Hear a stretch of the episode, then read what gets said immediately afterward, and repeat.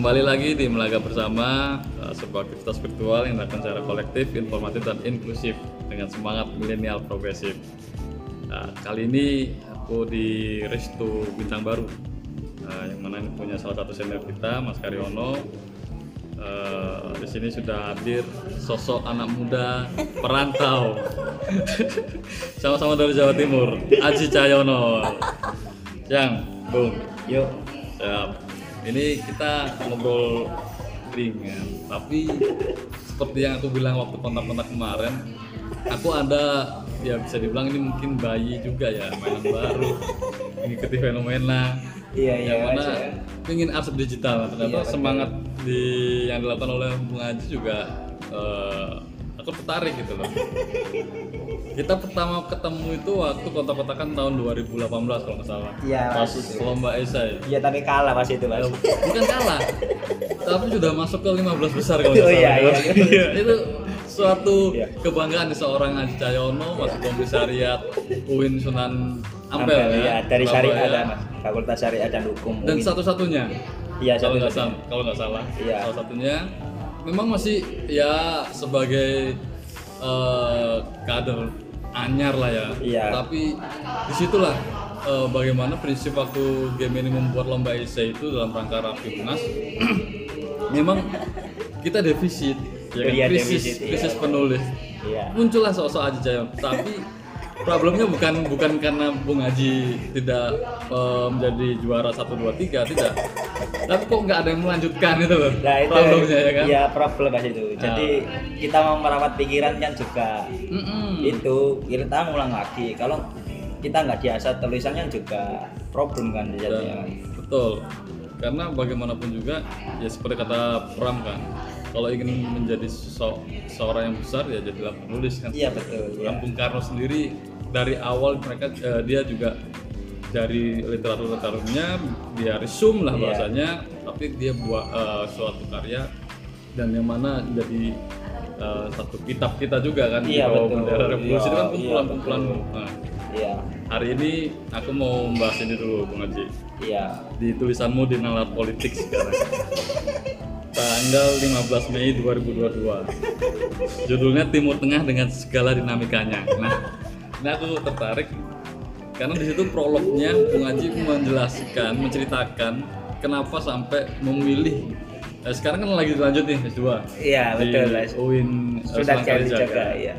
mengambil peminatan Timur Tengah Iya. kajian Timur Tengah Betul. lagi-lagi ini menarik karena kader GMNI yang tiba-tiba jebur ke ya konflik ataupun dinamika yang terjadi di Timur Tengah dan Iya, betul. memang kalau secara pemikiran aku sendiri juga Gus Durian ya Iya, tertarik. tertarik. tapi sebagai seorang nasionalis nah ini silakan Bung Haji Iya iya iya. waktu dan Oke. tempat dipersilakan Ya terima kasih Bung Ipeng atas eh, kesempatannya ya. Mungkin sebenarnya sih saya be- coba pengen curhat aja ini sebenarnya kan. Kenapa, kenapa di situ saya tuh eh, ngambil di kajian Timur Tengah ya UIN Sunan Kalijaga ya.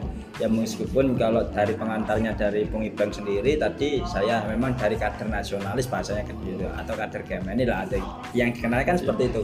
Kenapa kok masih merawat dia dulu sebelumnya di UIN Sunan Ampel Surabaya? Terus kenapa di UIN Sunan Kalijaga? Kenapa nggak di kampus-kampus umum yang lain ya?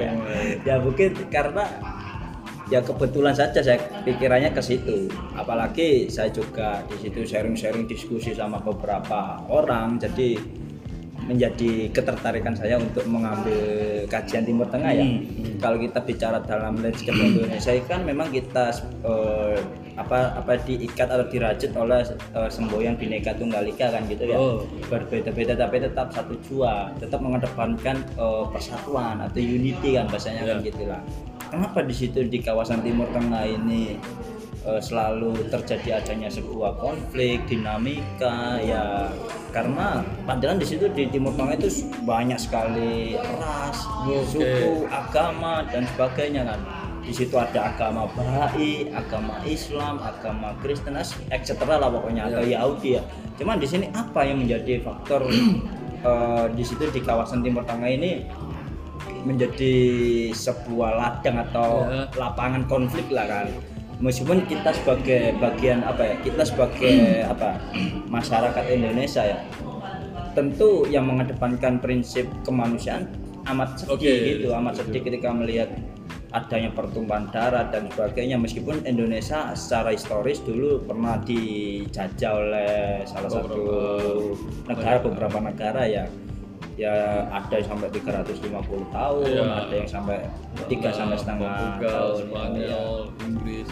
Nah, makanya ini harus menjadi sebuah kesadaran kolektif bukan hanya saya ya Betul. tapi harus semua masyarakat Indonesia. Kalau masyarakat Indonesia ini bersatu sudah berkomitmen untuk melaksanakan atau mengimplementasikan tentang Pancasila ya, wah ini menjadi salah satu barometer kekuatan baru juga ya. iya kekuatan yang sangat besar dan memang real Pancasila bisa dijadikan sebagai sebuah rekomendasi ideologi dunia. Iya, betul. betul. Ya, kalau kita sendiri masih belum komitmen terhadap Pancasila, mau di- mau apalagi kita mau rekomendasikan tentang Ya. Pancasila kan? Ya, ya harus evaluasi yang self evaluate lah, baik internal bangsa maupun eksternal. Nah, itu kan gitu kan. Iya. Nah, terus saya ngambil kajian Timur Tengah itu karena kebetulan eh, ada beberapa info ya peng, eh, pengibeng ya. Jadi kayak misalnya di kalau nggak salah itu secara konsentrasi itu ada tiga tiga kampus ya di Indonesia ya. Hmm. Eh, ada di UI, UI, ya. UI ya yang masuk di SKSD Ya. kan, Sekolah Kajian Strategi, eh, Strategi Global kan. Terus di di UGM ada itu kajian Timur Tengah, tapi Oh. dia masuknya ke FIB Fakultas Ilmu Budaya. Nah, sedang kalau sebenarnya bisa mengkaji Timur Tengah melalui eh, CRCS Oke. agama dan lintas budaya. Hmm. Nah, tapi memang aspeknya kalau di Timur Tengah di di UGM lebih dominan ke ininya apa dominan ke budayanya kan kabarnya kan gitu. Iya. Sedangkan kalau di UIN Sunan Kalijaga itu lebih ke aspek politik sosial antropologinya Oh. gitu. oke. Tapi sebenarnya masuk di prodi program studi interdisciplinary Islamic Studies. Studi Islam interdisipliner. Hmm. Jadi kita belajar eh, berbagai macam varian di situ.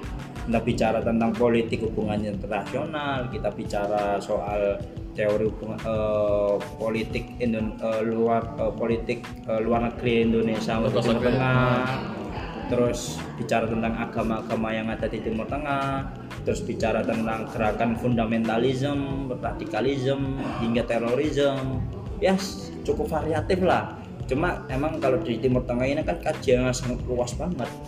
Betul, Ya emang harus fokus, memang harus fokus pada aspek-aspek eh, apa yang memang harus diteliti di kajian Timur. Jadi studi Islam interdisipliner kan prodinya, Hmm.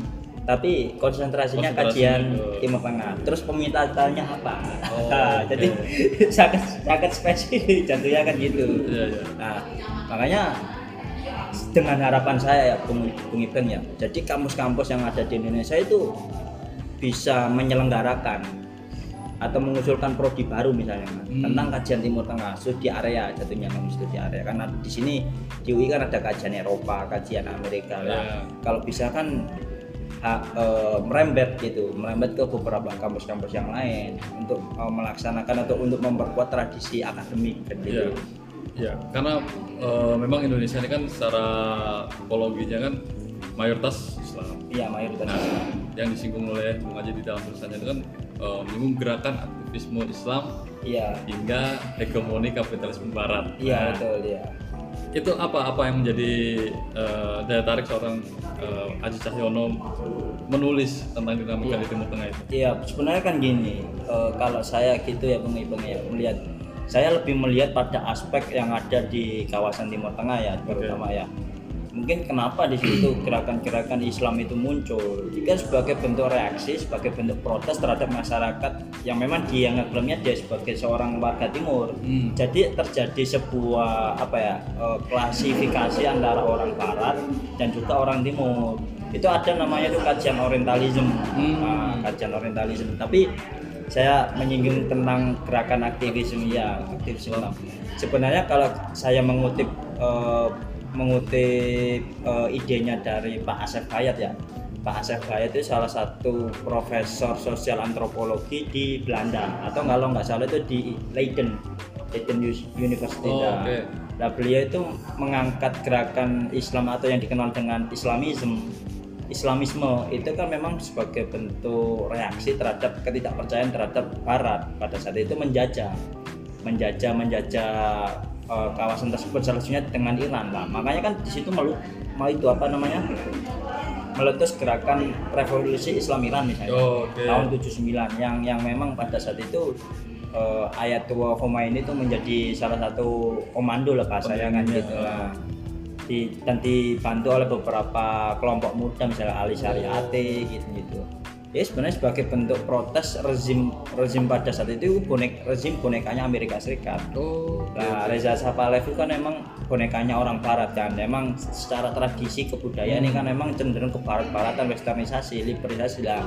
Ini kan sama Islam kan eh, menolak dengan adanya itu. Di sisi lain juga adanya sebuah apa namanya itu eh, sebuah korporasi-korporasi asing. Nah, di sisi lain juga muncul adanya kemiskinan. Hmm. Nah, sebenarnya kemiskinan menjadi salah satu alasan untuk melakukan gerakan indikatornya Islam. ya, Iya, ya? salah satu indikatornya. Jadi semua pun ada sebab musababnya. Meskipun agama pendekatan agama itu dipakai gitu untuk mengentaskan sebuah kemiskinan atau sebagai bentuk gerakan eh, apa namanya revolusi ya, revolusi Islam Iran. Tapi meskipun hingga sampai sekarang ini kan Iran kan dikenal sebagai negara agama Betul. bukan negara yang beragama jadi beda ya yang Oh. beragama yang Oke, beragama negara agama itu kan negara yang memang spesifiknya secara eh, satu aja misalnya Hmm. Islam kan nah syariat dijadikan sebagai sebuah legitimasi sebuah negara atau pemerintahan sebagai sebuah sistem negara Hmm. atau namanya itu kalau nggak salah ada waliatul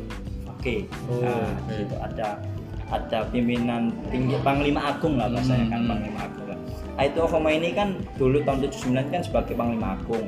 Tapi di situ ada eh, ada presidennya. Hmm. Nah, jadi sebagai tetap- tata negaranya. iya sebagai pelaksanaannya. Hmm. Kalau kalau sekarang diganti sama adiknya kalau nggak salah Ali Ali Khomeini namanya yang panglima agung. Tapi tradisi tentang syariat masih jalan di situ Hmm. secara kelembagaan negara dan memang salah satu negara khilafah terberhasil di dunia itu Iran. Iran kan gitu Oke. itu jadi terus ada misalnya di Iran ya terus di Mesir ada muncul adanya gerakan Ikhwanul Muslimin tahun dua oh, tahun yang didirikan tahun 1928 itu kan Hmm. di situ nah itu kan di situ eh, ada salah satu tokoh muda namanya Hasan Al Banna di situ sama aja dia itu sebenarnya eh, mengkritik meng- mengkritik yang memang pada saat itu eh, Mesir itu kan memang pada saat itu dijajah oleh Inggris kan ya Hmm. karena bekas-bekas eh, wilayahnya Ottoman, Ottoman, Ottoman eh, apa mengalami kemunduran atau kehancuran yang transformasi monarki ke republik ini kan di dibagi-bagi, kayak bagi lahan lah kan gitu. Ini kamu misalnya Inggris sama Prancis kan tak eh, bagi-bagi lahan kan. Salah satunya Inggris dapat dapat apa namanya itu lahan di situ di kawasan Mesir lah. Nah makanya ini kan kok cenderung karakteristik negara ini kok dikuasai oleh asing. Nah mungkin persepsi orang pribumi Mesir kan secara ras kan beda. Oke. Dan ini ras ini cenderung menindas dan sebagainya lah. Makanya muncul ada ide-ide dari Hasan Al Banna membentuk sebuah perkumpulan namanya Ikhwanul Muslimin kan gitu.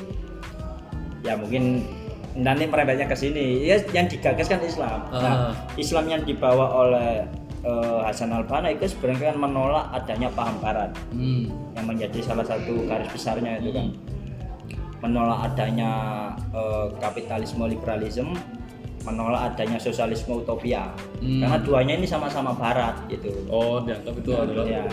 produk pemikiran barat. barat ya jadi lebih ke egosentris antara barat sama timur kan gitu. Makanya Islam Islam kan identik dengan timur kan Islam kan. Makanya sebagai bentuk kritik kritik terhadap eh, paham tadi paham barat. Sama sosialisme utop, eh, sosialisme itu dianggap oleh orang orang Mesir itu utopis gitu sosialisme ala ala yo yo utopi nggak bisa dilaksanakan dengan baik. Begitu pun juga kapitalisme kapitalisme kan juga merugikan merugikan masyarakat tentunya kan gitu kan. Makanya Islam sebagai sebuah alternatif.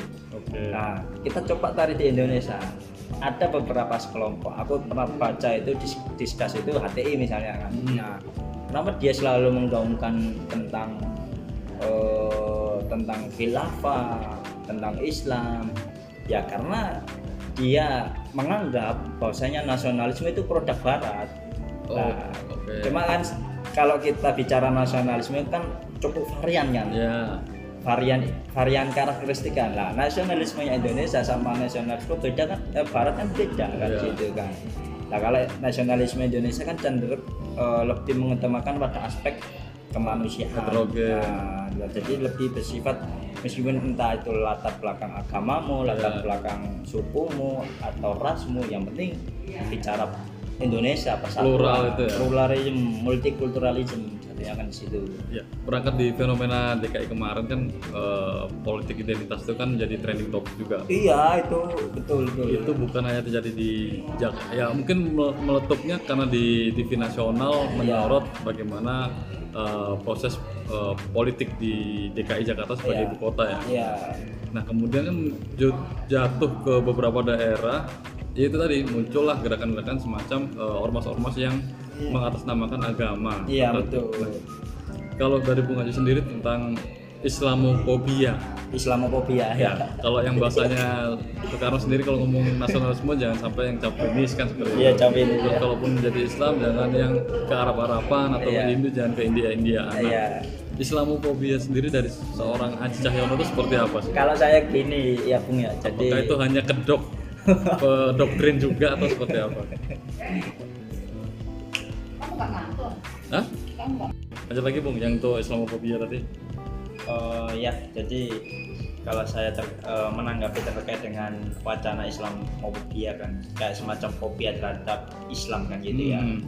Sebenarnya sih kalau kita bicara eh, dalam perspektif wacana pertarungan wacana antara barat dan timur ya timur yang identik dengan Islam lah nah makanya di situ orang timur menilai orang barat itu cenderung Islamofobia ketika adanya sebuah peristiwa 11, 11 September 2001 itu kan Hmm. ketika ada salah, salah satu kelompok kelompok aktivisme Islam yang terduga yang terduga ya yang terduga teroris lah Hmm. nah ketika eh, mengebomkan diri ke mana itu Oh, ke iya, WTC iya. itu kan Oh. gedung kembarnya di New York itu kan nah sehingga di situ menjadikan ada salah satu orang eh, Barat para para, para ilmuwan Barat kan mempersep, mempersepsikan Islam sebagai agama kekerasan kan tapi itu kan di- dikritikkan sama orang Timur atau orang Indonesia eh bukan orang Indonesia orang Islam tentunya kan.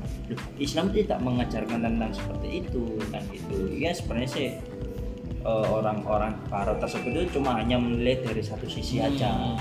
ah, akan dilihat dari satu sisi bahwasanya ya memang gimana lagi mak sebenarnya sih Islam kan juga terpecah belah kan gitu kan tapi dalam dalam konteks saat ini memang eh, apa ya sebe- sebenarnya Islam Islamophobia itu hanya sebagai pertarungan wacana sebenarnya kan Hmm. gitu kalau kalau ya. Kalau dalam konteks Indonesia ya, Ya. meskipun pemerintah itu melakukan eh, deradikalisasi Hmm. atau mereduksi peran dari kaum kaum radikalis yang memang yang mengatasnamakan Islam kan itu kan diangkut semua kan itu Hmm. di di benar-benar dikontrol oleh negara karena ingin mendirikan sebuah negara atau sistem khilafah misalnya kan sistem yang mengedepankan syariah misalnya kan gitu secara secara agama secara simbolik ya Hmm. Nah makanya kan direduksi kan peran-perannya kan itu peran-peran gerakan aktivisme Islam itu kan. Nah makanya dengan apa ya gerakan moderasi beragama. Hmm. Bagaimana kita beragama yang multikulturalisme, yang pluralisme. Sebenarnya Islamophobia ini hanya diproduksi Hmm. oleh kelompok orang yang memang untuk mengkritik pemerintah. Maksudnya pemerintah itu fobia terhadap Islam. Padahal enggak, pemerintah bukan fobia terhadap Islam. Tapi memang sengaja di, diproduksi agar masyarakat itu tidak percaya lagi terhadap pemerintah. Sehingga itu wacana Islamophobia kan sering di, diproduksi kan diproduksi entah baik kalangan akademisi yang pro terhadap kaum kaum aktivis Islam atau seperti apa kan gitu makanya cukup cukup dilema kalau kita bicara tentang Islamophobia tapi kalau untuk saya secara pribadi pendekatan solutif ya Hmm. pendekatan solutifnya tetap negara berkolaborasi dengan agama.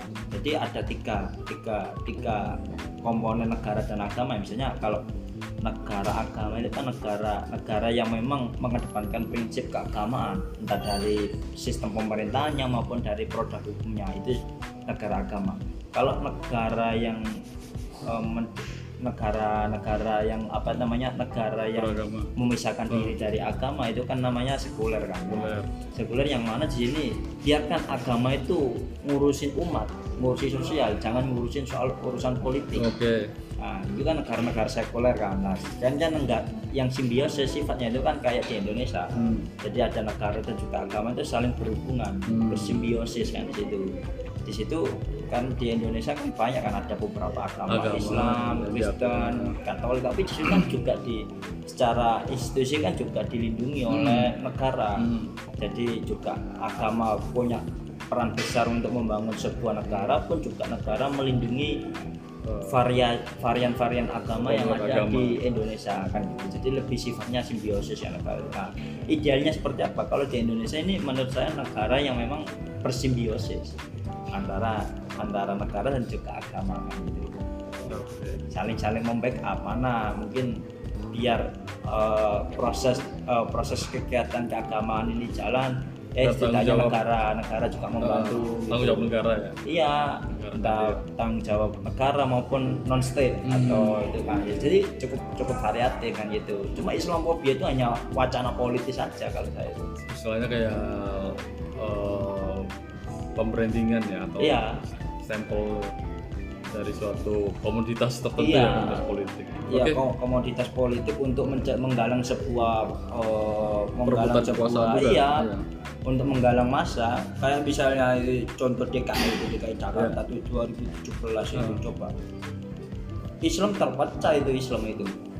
Memang di situ ada beberapa orangnya ya ada salah satu tokoh ya tokoh yang memobilisasi Iya. memobilisasi umat Islam umat Islam harus ditegakkan Iya. dan sebagainya gitu jangan pilih pemimpin yang non kafir kan gitu Ujung-ujungnya perebutan kekuasaan juga. Iya, jatuhnya juga dia menjadi Eh, penjilat-penjilat kekuasaan, bahasanya kan gitu lah. Padahal ini sarannya dari almarhum Buya Syafi Ma'arif ya, salah satu dia itu Islam yang memang sangat dihormati di Indonesia ya. Udahlah, kalau sebenarnya umat Islam itu jangan terlalu reaksioner gitu, jangan baper. Udah kalau dia ah, udah minta maaf, udah dimaafin aja. Kalau kata Pak Buya, Prof Buya Syafi Ma'arif ya Ketua Umum Muhammadiyah 2000 sampai 2005 ya. Nah, Islam itu yang yang rahmatan lil alamin, Islam yang ya ya saling menjaga, Menghargai. nilai toleransi yang mungkin kalau memang Pak Ahok salah, udah mungkin dikasih penerangan, Hmm, bukan malah penerangan. dijegal Iya, gitu. iya, iya. Tapi coba kinerjanya Pak Ahok coba dibandingkan dengan sekarang misalnya cukup signifikan lebih baik kan gitu kalau ini kalau kalau dalam kacamata saya komparasi ya kan gitu sih Oke, Eh, memang menarik ya, Iya. Haji. Eh, terkait dari tidak kita ngom- ngomong Mas studi Timur Iya. Tengah itu seperti apa dan Iya. kemudian eh, ke kembali lagi ke negara kita sendiri mau melihat bagaimana Iya, dari- fenomena Islamophobia Iya. itu, maka memang eh, penting juga eh, literatur dari apa istilahnya kacamata tentang eh, agama Islam itu yang ideal seperti apa dan diterapkan dengan kondisi landscape dari Indonesia yang beragam itu Iya. juga harus dihormati. Oke, makasih Bung Haji. Nanti kita sambung lagi di episode berikutnya.